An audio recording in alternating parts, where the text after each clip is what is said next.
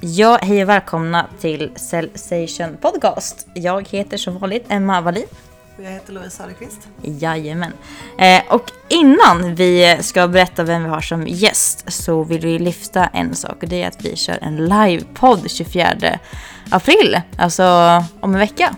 Det gör vi, tillsammans med Student Work. Yes. Och eh, som gäst under livepodden så har vi med oss eh, en person vid namn Petra Leven som också varit med i podden här tidigare under, under förra året. Och eh, vad är syftet med det, Louise? Syftet med eventet och eh, anledningen till att Student Work tog det här initiativet och bjöd in oss är att de eh, har också uppmärksammat att det är så få kvinnor som faktiskt är verksamma inom sälj. De vill göra någonting åt det här för att locka fler kvinnor och tjejer till att välja att börja jobba med försäljning. Så att det är det som tanken att vi ska kunna bidra med också på något sätt. Exakt. Och det kommer vara lite goodiebags, det kommer vara tävlingar och utlottning tillsammans med Hermione Hold. Eh, så eh, är ni i Stockholm den 24 april så um, signa upp er för det finns ett fåtal platser kvar. Och vi länkar det nedan i, eh, i kommentarsfältet för dagens avsnitt. Men eh, nog om det. Vi har ju också en gäst såklart. Och eh, med oss i dagens avsnitt så har vi Georg Brontén som är eh, grundare utav eh, företaget Membrane. Eh, och eh, vad har vi pratat med Georg om? Vi har pratat om en mängd olika saker. Verkligen. Ehm, vi pratar såklart om Membrane som han har grundat. vad som egentligen ledde fram till den idén och hur han satte det i verket eller vad man ska säga. Ehm, också om hur den här resan har varit, vad som har varit roligast respektive svårast med att faktiskt bygga och starta ett bolag från, från grunden. Ehm, vi kommer också mycket in på eh, CRM och problematiken med att det egentligen eh, ofta är problematiskt med att få eh, säljare att använda ett CRM-verktyg. Och ja, helt enkelt hur man kan komma till bukt med det problemet för att på något sätt hitta motivation till att genomföra någonting som kan ses som ren admin egentligen. Mm. Um, vi pratar också om um, Georgs styrkor uh, som säljare, vad han tror är viktigaste anledningen till att han har lyckats. Uh, och kommer även in på men vad är kanske de vanligaste misstagen som säljare gör uh, idag. Mm. Det var ett smakprov. Exakt. Sammanfattning. Verkligen. Så vi pratar ju såklart om mycket mer så, så ni får uh, lyssna inför, lyssna på dagens avsnitt som kommer här.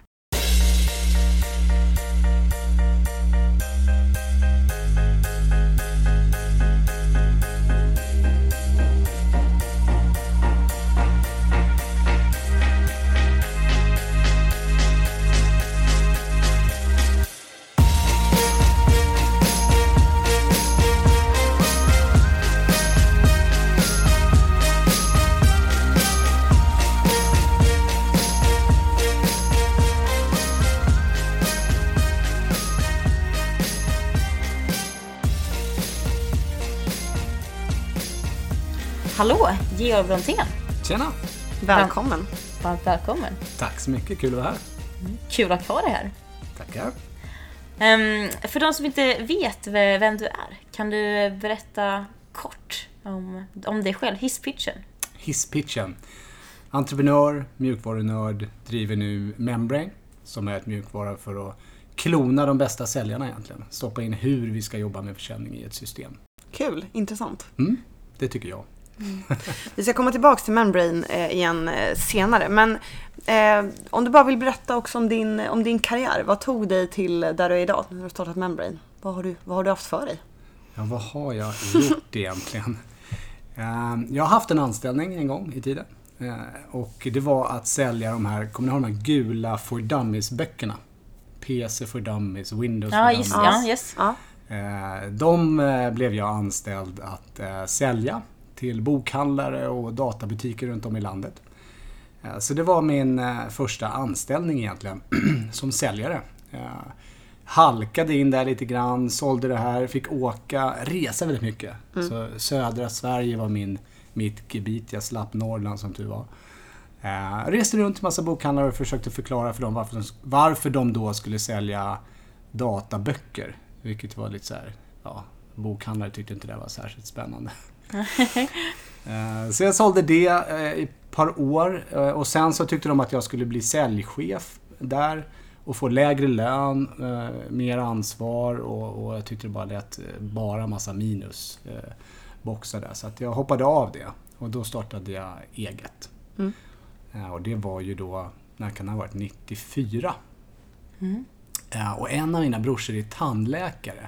Och jag kände då Eh, att det här med internet kommer ju bli mega stort. Eh, och eh, jag måste göra något med det här. Och då tyckte jag att tandläkare, det är ju en intressant målgrupp. Låt oss bygga en portal för tandläkare. Och så byggde vi en, en, ja, en webbportal för tandläkare som heter Odis. Och så sålde vi då hemsidor till de som ville kränga saker till tandläkarna. Mm -hmm. Så det var affärsidén. Rysligt dålig research bakom den. Eh, det här var ju alldeles för tidigt. Eh, de här bolagen hade ingen aning om vad internet var. Det fanns inga pengar och de, det, var, det var jätteklurigt. Eh, men vi byggde ändå upp det här och fick in lite kunder. Och sen ledde det till att vi startade en byrå som inte var så kopplad till just tandvården. Som heter Upstream Productions. Den är bekant. Yes. Eh, så Upstream var, var en webbyrå där vi gick ut till eh, ja, alla möjliga. Vi sålde mycket till eh, Köpcentrum, Solna centrum, Skärholmens centrum. Vi gjorde Volta med dammsugarna, hemsida till dem och lite olika grejer. Um, sen var det i det som uh, Björn var, uh, började jobba med mig som var designer. Han gjorde alla hemsidor. Han är fantastisk. Uh, och vi satt i en källarlokal i, i Hammarbyhöjden. Och vi hade inga pengar. Eh, så det var, vi hade en internetlina och en ISDN-jack. Eh, och så sa Björn till mig en dag så här, du, fasken, jag vill ju också surfa. Det är ju jag som är designern, jag måste ju ha tillgång till internet. Eh, men vi hade inte råd att käka till jack. Och då snubblade jag in på en kille i Nya Zeeland som hade byggt en mjukvara Eh, som man kunde installera på en av datorerna och så kunde den andra datorn surfa via den datorn. Då. Och den, det här, man kunde dela sin internetförbindelse. Och det här tyckte jag var sjukt coolt. Att man, en produkt som man kunde ladda ner, man kunde ladda ner den här från internet, installera, så kunde alla helt plötsligt surfa på bolaget genom en och samma lina. Mm. Eh, så här så det här kan vi ju sälja. Så då gjorde vi en hemsida för produkten, började sälja produkten. Eh, och det ledde sen till det som idag är Upstream Software. Så mm. vi vi säljer mjukvaror helt enkelt eh, till, eh, till IT-bolag och till eh, IT-avdelningar. Så, och det var i, i Upstream där som jag som ledde till Membrane. Mm. För jag, när vi i Upstream började sälja produkter som var lite klurigare. Alltså säljaren här var ju väldigt enkelt. Mm. Ja, har du ett företag, du har inte råd med två jack och du vill dela det du har, spara massa pengar. Så alla småbolag Eh, ville jag ha den där produkten och den var väldigt lättsåld. Men sen började vi sälja produkter som var mer avancerade. Och då var ju försäljningen helt annorlunda. Då var det inte bara det här är mycket billigare, utan då var du tvungen att börja prata värde, börja titta på affärsmodeller och allt möjligt. Eh, och det var då, när jag skulle skala en av de här nya produkterna, eh, som det inte gick så bra. Alltså jag anställde många säljare och jag sparkade många säljare anställde och sparkade tills jag till sist fick då sätta mig ner helt enkelt och tänka så här, mm, undrar vems problem, vem som är felet här egentligen? Är det alla de här säljarna? Eller kan felet ligga någon annanstans? Och felet var ju förstås hos mig, det var jag som var problemet. Jag gav ju inte de här säljarna de förutsättningarna de behövde. Jag utbildade dem inte korrekt, jag, det fanns ingen process, fanns ingen metodik. Jag var slarvig på coach, ja det var, gjorde alla fel egentligen i boken. Så då började jag studera det här med sälj på allvar och verkligen läsa på allt jag kunde om försäljning, metodik, processer, coaching, ledarskap. Gick massa kurser och gick med alla nätverk jag kunde. Och det ledde sen till Membrane. Jag kände att ah, okay, det behövs någonting mycket mer eh, för att leda sälj än att man bara råkar ha turen att hitta en duktig säljare. Eh, jag hängde mycket med ProSales-gänget eh, mm. som ni känner till säkert. Eh, och, och, de, och i det nätverk och det de framhävde var ju verkligen att försäljning är så himla olika beroende på vad man säljer. Jag insåg att åh, det som, den nya typen av försäljning som jag jobbade med nu var väldigt komplex. Och då behöver man andra typer av säljare, man behöver en annan typ av säljledning. annan typen av resurser och så vidare. Och så vidare. Ja, och jag tyckte inte att CRM-systemen då, som är hjälpsystemen för säljare, var gjorda för det här alls. Utan de, de har gjort samma typ av antaganden. Att säljare är något man föds till i princip. Eh, och sen ska man bara logga det man har gjort så man har lite koll på läget. Mm. Och se vad man har för pipeline. Eh, jag vill ju skapa någonting djupare än så. Att hur kan vi systematisera det här huret? Hur ska vi sälja? Vad är det som fungerar? Vad är det som inte fungerar? Och ta det som fungerar och försöka systematisera det. Eh, och det är det som har lett fram till vad som idag är Membrane då. Som mjukvara försöka, ja, försöka modellera framgång. Men typ av, en typ av strukturerad onboarding i systemform, ish. Ja, Kanske. onboarding är en del av det. Sen är det ju strukturerad hur, hur du driver dina säljprojekt. Mm. Eh, idag är det ju väldigt mycket så att du, du initierar ett säljprojekt. Eh, kanske, nu beror det på vad man säljer, men det vi sålde var ju... Varje affär var ju väldigt viktig. Eh, och kanske var värd en miljon. Och förlorar du en sån affär på grund av slarv, då blir man ju upprörd. Mm. Både som säljare och säljchef. Eh, och ofta berodde ju det på att man var kanske slarvig i början, man inte kvalificerade rätt, man inte ställde rätt frågor. Rätt enkla grejer kan man tycka, men, men ändå saker som man missade. Eh, Så det är, ja, onboarding är en viktig parameter, men, men också sen när vi driver varje case så ska Ja. vi minsann göra det rätt. Mm. Yes. Men Ja. så det fungerar som en typ, alltså det är, förlåt Emma. Nej, nej, nej, kör. kör. Eh, nej men så det, det är tanken att fungera som ett stöd dels för säljaren som ska jobba liksom eh, alltså skarpt i det och även för de som leder säljarna som jobbar i det. Exakt, precis. Yes. För ofta i, i, i försäljning så handlar ju allting, allting egentligen om kunden. Mm. Kunden ska ju vara det vi bygger vårt erbjudande kring. Eh, och där tycker jag ibland man går lite vilse i försäljning. Man, man, man tittar mest på vad man ska sälja. Eh, man har byggt någon produkt eller något erbjudande och så säljer man det. Ehm, och då går man ibland lite vilse och, och det där tycker jag man, man måste tänka igenom ända från första början. Okej, vem är kunden? Hur ska, vad, vad är det för värde vi vill skapa? Hur ska produkten och erbjudandet se ut? Och sen när vi börjar kommunicera det ut till marknaden, hur gör vi det i, i varje steg? Uh, så att det ska ju liksom gå från, från att du har en strategi som bygger på ett värde du ska tillföra en kund till hur man sen faktiskt gör det här i vardagen. Eh, och sen coachar och stöttar och hjälper och utvecklar Mm. säljarna. Och strategin. För det kan ju vara så att det visar sig att man inte är så effektiv att sälja. Och då måste man göra den analysen. Varför går det inte bra? Som vi i Upstream, det, det jag märkte, det, det vi ofta gjorde fel. När vi sålde, det vi sålde då, och det vi Upstream fortfarande säljer en viktig, ett viktigt erbjudande fortfarande idag, det var ju automatisering av IT-drift. Mm. Och då handlade det om att Okej, här är ett bolag, de erbjuder IT eh, och vi ville få dem att istället för att sälja IT som någon slags reaktiv eh, brandsläckningsåtgärd, när IT pajar så kommer någon att fixa det.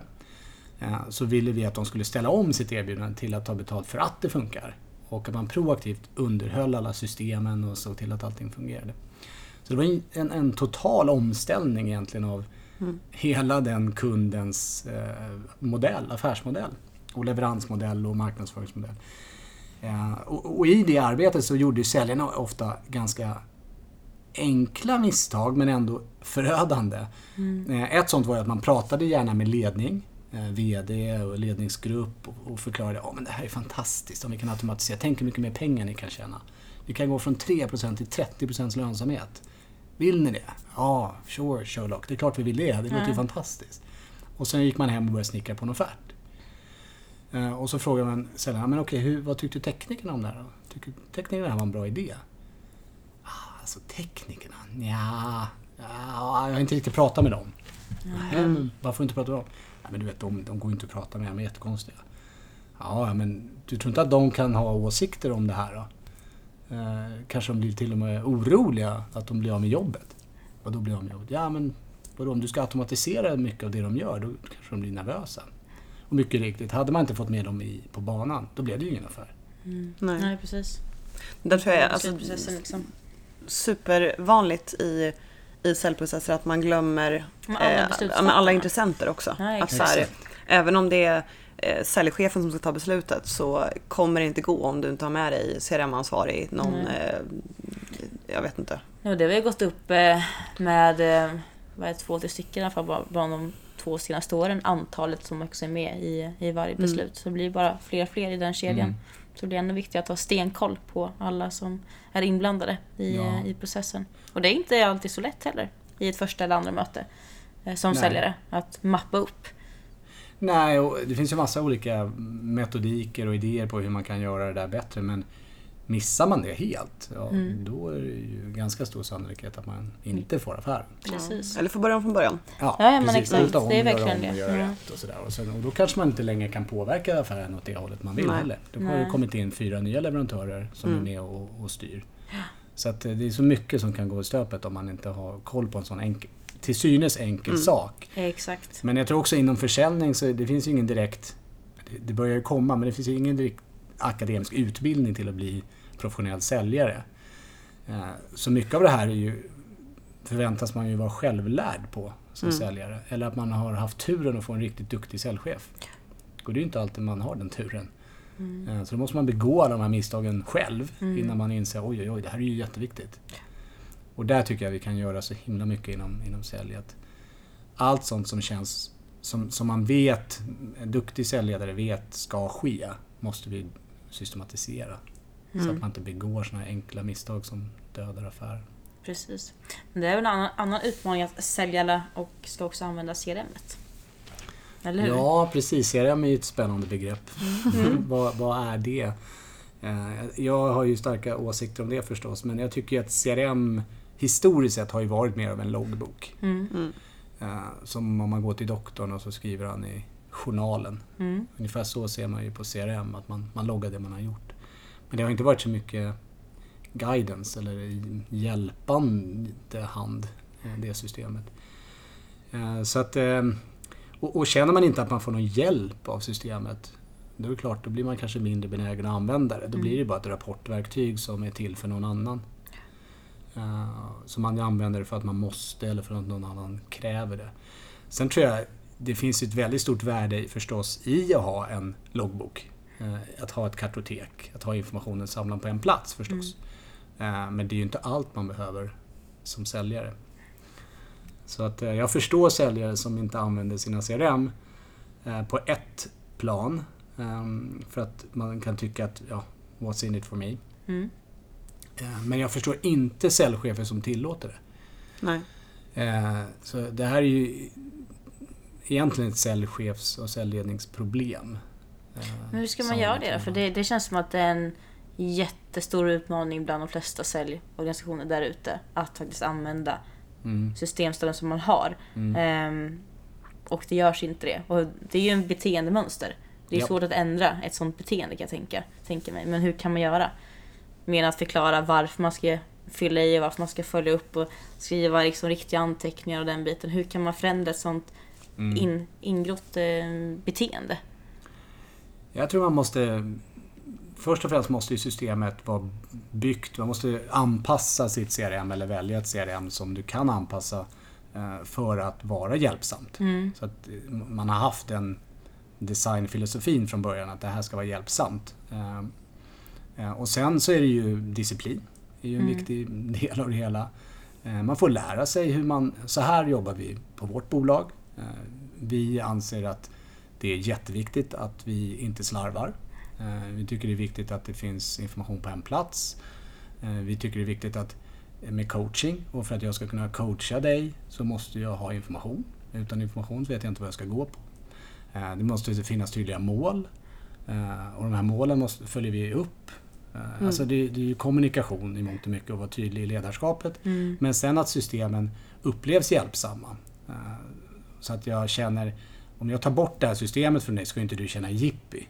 Då ska du känna såhär, fasiken, Mm. det där går Mm. inte. Jag kan inte göra mitt jobb utan det här systemet. Eh, Och det är klart att sen finns det ju en olika nivåer av hur mycket man gillar att använda system. Eh, Vi jobbar ju ganska mycket med, med kunder där det finns mycket seniora säljare som inte gillar datorer i, i allmänhet. Eh, jag tycker Block och penna. Block och penna är väl Ja. jättebra. Ja. Liksom. Har man vad, stött på? vad är det för problem? Eh, och då är det klart, då är det ju en annan inlärningströskel. Mm. Då får man ju börja med liksom att de ska känna sig bekväma med att starta datorn. Liksom. Mm. Eh, Men nu med, menar, vi blir ju allt yngre i, i, på företagen. Så att nu är det väl snarare så att man, det börjar ställas krav nerifrån. Eh, från nya medarbetare, unga medarbetare som säger men vad är det här för gammalt SAP-system? Det känns ju som eh, riktigt föråldrat. Det här kan jag inte jobba i. Men jag tror att det är mycket att så här, framförallt eh, men säkert alltså, unga säljare. Eh, så många får instruktioner att så här, det här är systemet vi använder och så här gör du. Men man sitter kvar med frågan att varför ska jag Ja, använda det här? ja. Vad liksom, och det behöver ju kommuniceras precis som du säger. Mm. Jag tänker typ våran säljledning har ju verkligen varit eh, alltså, haft Hitler-mentalitet med CRM och vad vi behöver fylla i. För att de förklarar att så här, vi använder den här datan i CRM som sen avgör vilka prospects ni får inför nästa månad i er lista. Och har vi då inte korrekt information så kommer inte ni få bra prospekt. Och då kommer inte ni kunna, alltså att man på något sätt får en förklaring till, ja men precis som du säger, what's in it for me att fylla i det här. För har man inte det så är det extremt svårt att känna att så här, men jag spenderar 10 minuter och skriver ner det här här. Sen, sen eh, för mig så handlar det också om att, att systemet ska vara, att jobba i systemet ska vara lärande.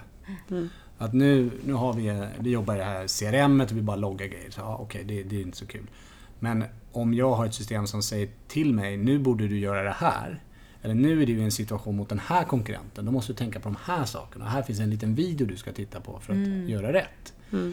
Eh, så då får man ju in det här lärandet i, i arbetsprocesserna. Vilket jag tycker är superviktigt. Eh, och man lä- sen när vi tittar på den här datan då, man som ledning säger ah, oj, vi, vi förlorar jättemycket affärer mot den här konkurrenten. Varför är det så? Vad kan vi göra åt det? Så samlar man alla säljare och säljchefer i ett rum, kanske en produktchef också. Så vad är det som händer? Eh, och så har man en diskussion om det. Så kommer man ofta fram till att det finns ju ett sätt att hantera det på. Då ska ju den systematiseras.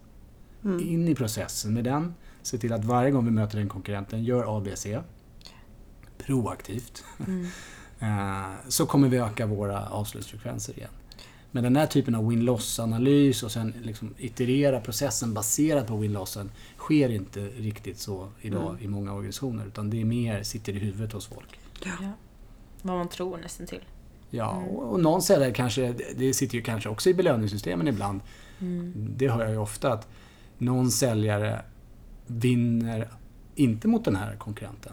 Och så pratar man så men hur kommer det sig att du vinner när de andra förlorar? Ja, det är jätteenkelt. Jag gör ju så här. Ja, men det är ju supersmart. Men varför har du inte berättat det för alla dina kollegor? Nej, men vadå, då, då kommer inte jag vinna tävlingarna längre. Eller då kommer inte jag få lika hög, lika hög bonus. Ja. Så de har ibland byggt in i belöningssystemen eh, och i strukturerna på bolaget att man inte vill dela med sig. ja, Och det är ett megaproblem som går bortom system och verkligen. alla de här bitarna egentligen. Det känns som att vi är- på väg bort från det. Vi hade en tidigare gäst, vi pratade ju om incitamentmodeller, att man Mm. är mer inne på att gå in på teambonusar. För att man då ska kunna ha att man, man är ett team, man ska Mm. leverera på mot ett och samma mål. Så det är väl ett sätt att få bort den här typen av tävlings och interna intriger liksom när det kommer till... Ja, det är ju superbra. Och jag tror just i vår bransch när vi säljer mjukvara så handlar ju allt i, till syvende och sist om att kunderna faktiskt använder det. Mm. Och gör de inte det då kommer de hoppa av och då får vi inte in några pengar längre och då kan vi inte utveckla produkten. Exakt. Så eh, vi ser ju också att man börjar koppla ihop sälj och customer success uh, tajtare. Mm. Eh, och det tror jag också är viktigt, att man inte bara ser att affären är klar när man signar dealen. Nej. Mm. Utan sen ska vi ju leverera till kunden det vi har lovat. Så att Ja. de blir nöjda och fortsätter att köpa. Mm. Så att man får tänka bortom sälj också tror jag för att verkligen lyckas. Men eh, vad skulle du säga, har du nu startat ett par eh, bolag och vad skulle du säga var, har varit allra roligast? Men också vad har varit svårast med att bygga ett bolag från grunden? Så jag drivs ju väldigt mycket av att utmana mainstream. Och därför heter ju bol- första bolaget Upstream.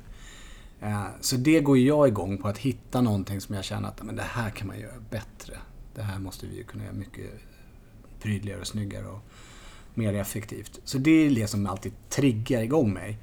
Eh, och sen är ju det som är roligast, ja det är ju när man kan bevisa att det funkar. Eh, och man, man får ut, som till exempel i, i det här it-automatiserings...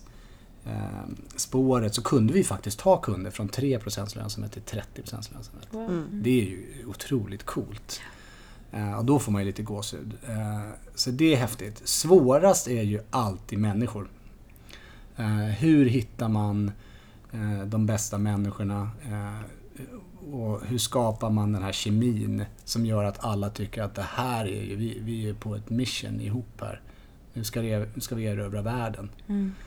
Um, Och hur gör man det då? För det är ju ja, så men- svårt. Det är inte bara att ha tur utan man måste väl kanske hänga i de kretsarna eller ska man ta sin bästa polare och, och starta? Man har hört, hört mardrömshistorier om också. Det kanske inte är den bästa idén att starta eh, bolag med sin, sin bästa vän heller. Men hur gör man?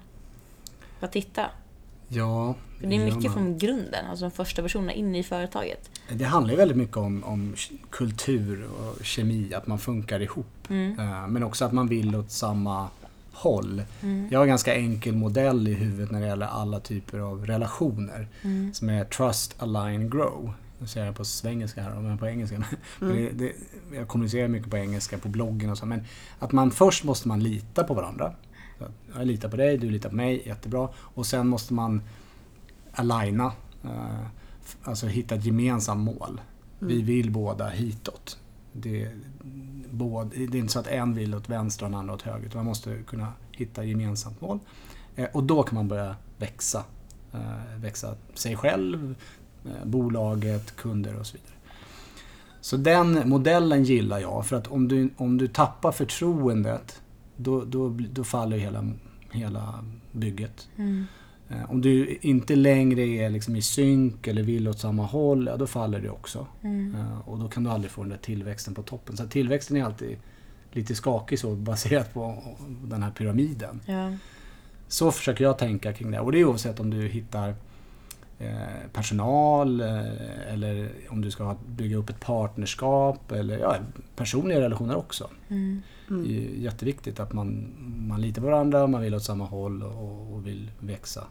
Sen kanske man inte vill växa alltid på samma sätt. En person vill växa inom ett område och en annan vill åt på ett annat område. Men så länge man har en gemensam riktning och målbild Mm. så kan det gå.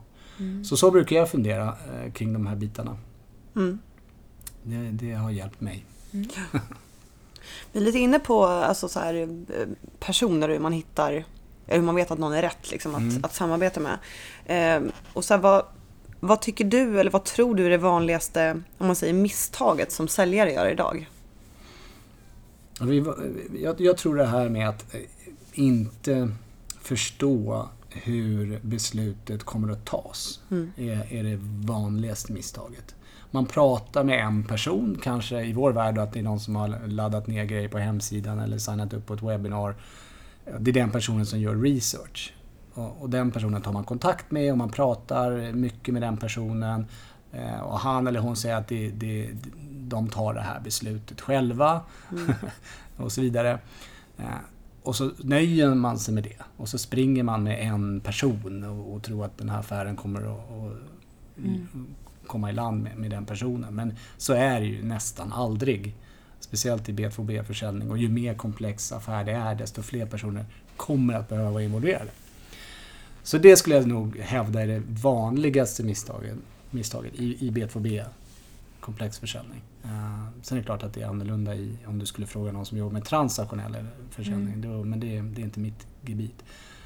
Men det tror jag är absolut vanligast. Men jag tror att alltså, så här, det känns som generellt att just steget beslut är liksom ett steg i säljprocessen som många glömmer. Att man tänker liksom värde, värde, värde, pinpoint, liksom matar den här personen med det. Och sen så står man där plötsligt och säger okej nu har vi gjort allting och så ska man på något sätt hafsa ihop ett beslut som inte finns i kalendern, ingen tydlig agenda och då liksom då kan det falla. Eller Ja. förstår ni vad jag menar? Det, det blir inte prioriterat heller. Nej. Nej, jag, jag brukar förklara det som att man, eh, om du- om du börjar titta på en film. Mm. Så här, ja, nu ska vi titta på en film. Så börjar man titta på en film och sen kommer det in en person efter halva filmen har gått. Ja, vad gör ni? Ja, men vi tittar på en film. Mm. Ja, men kom in. Du, så bara, ja men vadå, jag har ju missat halva filmen. Kan ni recappa den? Nej, nej, ah, det är, nej. Det är ungefär så som det blir i en säljprocess om någon kommer in efter halva säljprocessen. Och så ska, Ja, du, re- ska du recappa allting och ja, då är inte den personen alignad återigen. Så du måste ha med alla så tidigt som möjligt, helst. Eh, Och sen måste man ju förstå vad målet är. Och det är ju inte alltid, alltid samma heller Nej. för de, för de som kommer in sent Och så får de en liten eh, förklaring vad det här är och då säger de så här, men vadå, det här känns ju helt ointressant. Mm. Det är ju liksom 14 andra projekt som vi håller på med här borta. Och ni sitter där på kammaren och hittar på någon, någon egen... Nej, lägg ner. Det har hänt rätt ofta. Man har drivit en affär nästan i mål och sen så helt plötsligt kommer någon in och bara stänger ner allting. Ja. Ja, Så att, eh, och jag tror också att man kan tänka lite som ett system. Alla, alla, alla alltså, team är egentligen ett slags system där man har valt att göra någonting tillsammans. Och så har man hittat en process för det. Eh, Sen kanske den processen är trasig. Den funkar inte så effektivt. Men den funkar. Eh, Och sen kommer någon in och säger så här, men jag kan hjälpa dig att göra det här bättre. Eh, Och då måste man förstå att då försöker man stoppa in någonting nytt i den här maskinen. Så det kommer bli avbrott i den och det kommer ingen att tycka om. Eh, Och alla de som är involverade i det här lilla systemet kommer att påverkas vare sig man vill det eller inte. Eh, Så jag jag brukar tänka på det lite grann som det. Vad är kuggarna i det här hjulet, det här lilla systemet som snurrar här inne i det här bolaget? Och om jag stoppar in någonting nytt här, vilka kommer att påverkas och vad kommer de att ha för synpunkter? Eh, För det är, och även om det är en liten, en person som kanske inte har någon hierarkisk liksom, power, så kan ju den personen ändå slänga in en, en rejäl pinne i hjulet på hela Mm. projektet. För att den personen är en viktig del av det här lilla maskineriet, som Mm. systemet som snurrar. Och sen kan man vara liksom rationell till döddagar och förklara, men ni ser ju själva att vi kommer att förbättra den här Mm. maskinen. Ja, Men de säger så här, ja men det passar inte mig av x, y, z anledningar. Och då Mm. kommer han bli arg eller hon blir arg på mig. Och, alltså det blir alltså konstiga saker som, som kanske inte har med själva lösningen alls att göra. Mm. Så förstå systemet och förstå att man, man kommer vara inne där och pilla. Eh, Och det kommer många personer som påverkas som man kanske inte först tänker på. Nej, man kan ju glömma bort liksom att så här, ja, men jag struntar i att involvera säljarna för de tar ändå inte beslutet. Men det kan ju vara någon säljare som sitter och säljer liksom 75% av Precis. det där bolagets budget och säger den nej. Då spelar det ingen roll om försäljningschefen tycker att det är bra. För att så här, säljer inte han så går vi under. Mm, Typ. Precis. Alltså, ja, den, den, den åker man på rätt så ofta. den har hållit på. Mm. Ja, precis. Mm. Ja, men det är spännande hur vi Mm. människor fungerar.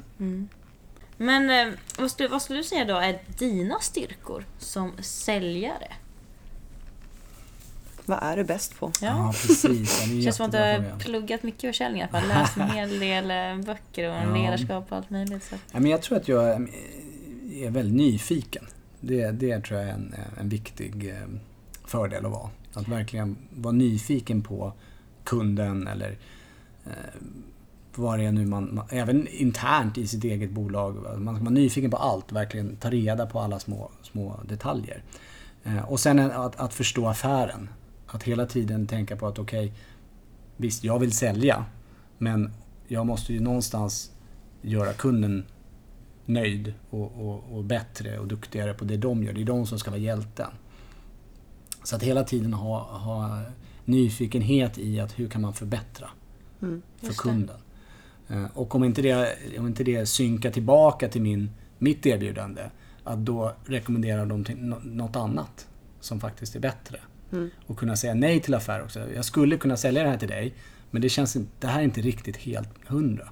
Utan du skulle nog vara bättre eh, servad av den här leverantören i det här läget. Så att jag tror man, det går tillbaka till det här Trust Align Grow lite grann. Du- Om, om jag kan göra en engångsförsäljning eh, så kommer inte jag i, i längden att lyckas växa tillsammans med kunden. Så förstå affärsnyttan är, är, tror jag är key. Och sen hela tiden vara nyfiken. Och ställa lite tuffa frågor tror jag är ganska bra på också. Våga diskvalificera. diskvalificera. Ja, man vill ju på något sätt... Sälj det handlar ju ganska mycket om att hitta och ta bort hinder. Mm. Vad, vad ligger i vägen för att vi ska komma fram till, till en lösning som funkar? Mm. Fråga efter de här hindren. För när du väl har tagit bort alla hinder, då har du ju förmodligen en affär. Ja. Så ställa lite jobbiga frågor tror jag är lite bra på. Nyfikenhet, affärsförståelse och ställa lite två frågor. Var Mm. lite pain in the ass. Ja, Var lite Exakt. Ja. Det var så. Fast hela tiden med, de ska ju alltid känna förstås att jag vill deras väl. Det Mm. tror jag är avgörande. Ja. Uh, och därför jag tror tjejer ibland utklassar eh, killar i sälj. Man har ofta en högre nivå av empati. Eh, och jag tror det är superviktigt att man vill inte bli, man vill inte bli såld någonting, man vill ju köpa. Mm. Eh, och jag vill känna att jag köper rätt för mig. Så empati tror jag är viktigt. Mm. Tuffa frågor, pain, ja. Men inte, inte på ett dåligt sätt Nej. som är manipulativt. Utan det måste ju Det är vara för så att att... hjälpande att komma framåt i processen. Ja, Och också då om det inte går steppa bort från affären. Ja, backa, backa Ja. då. Och jag tror det, det skapar ju mer förtroende återigen. Ja. Och har du förtroendet då kan du sen vid ett framtida tillfälle Precis. ha någonting som, som passar och, Mm. och gå vidare med. Vad en pain in the ass med empatiskt syfte. Mm. Ja, exakt. Bra, bra Bra sammanfattat. Ja, grymt. Yes. Ehm, vi börjar närma oss eh, slutet faktiskt. Men vi vill fråga dig som sista fråga vem eh, du tycker att vi ska bjuda in som gäst hit och Mm. varför. Jo, jag skulle vilja tipsa om Mårten Mm. på ProSales, Mårten Bernstad.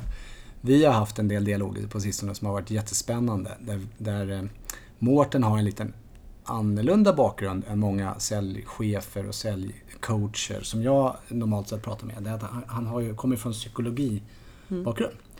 Eh, Så han pratar mycket om alltså, vad har, vi, har vi rätt förutsättningar för att lyckas? Ehm, för nu har vi pratat lite om system och jag utvecklar ett system, ni, ni säljer också system. Men i, det handlar ju väldigt mycket om beteenden. Eh, och ibland så kommer man inte framåt för att man inte vet hur man ska göra, det är en kompetensbrist. Ibland kommer man inte framåt för att man inte vill, man kanske inte har motivationen. Det finns ju olika anledningar till varför man inte lyckas. Eh, det har han väldigt intressanta tankar om. Mårten Bernstad, han är noterad. Vackert. Grymt. Men Georg, stort, stort tack för att du gästade Celebration Podcast. Tack för att Superkul jag fick komma. Superkul att snacka med dig. Ja. Grymt. Och kära lyssnare, vi hörs igen i nästa vecka med ett nytt avsnitt. Så ha det så bra tills dess. Hej då! Hej då! Hej.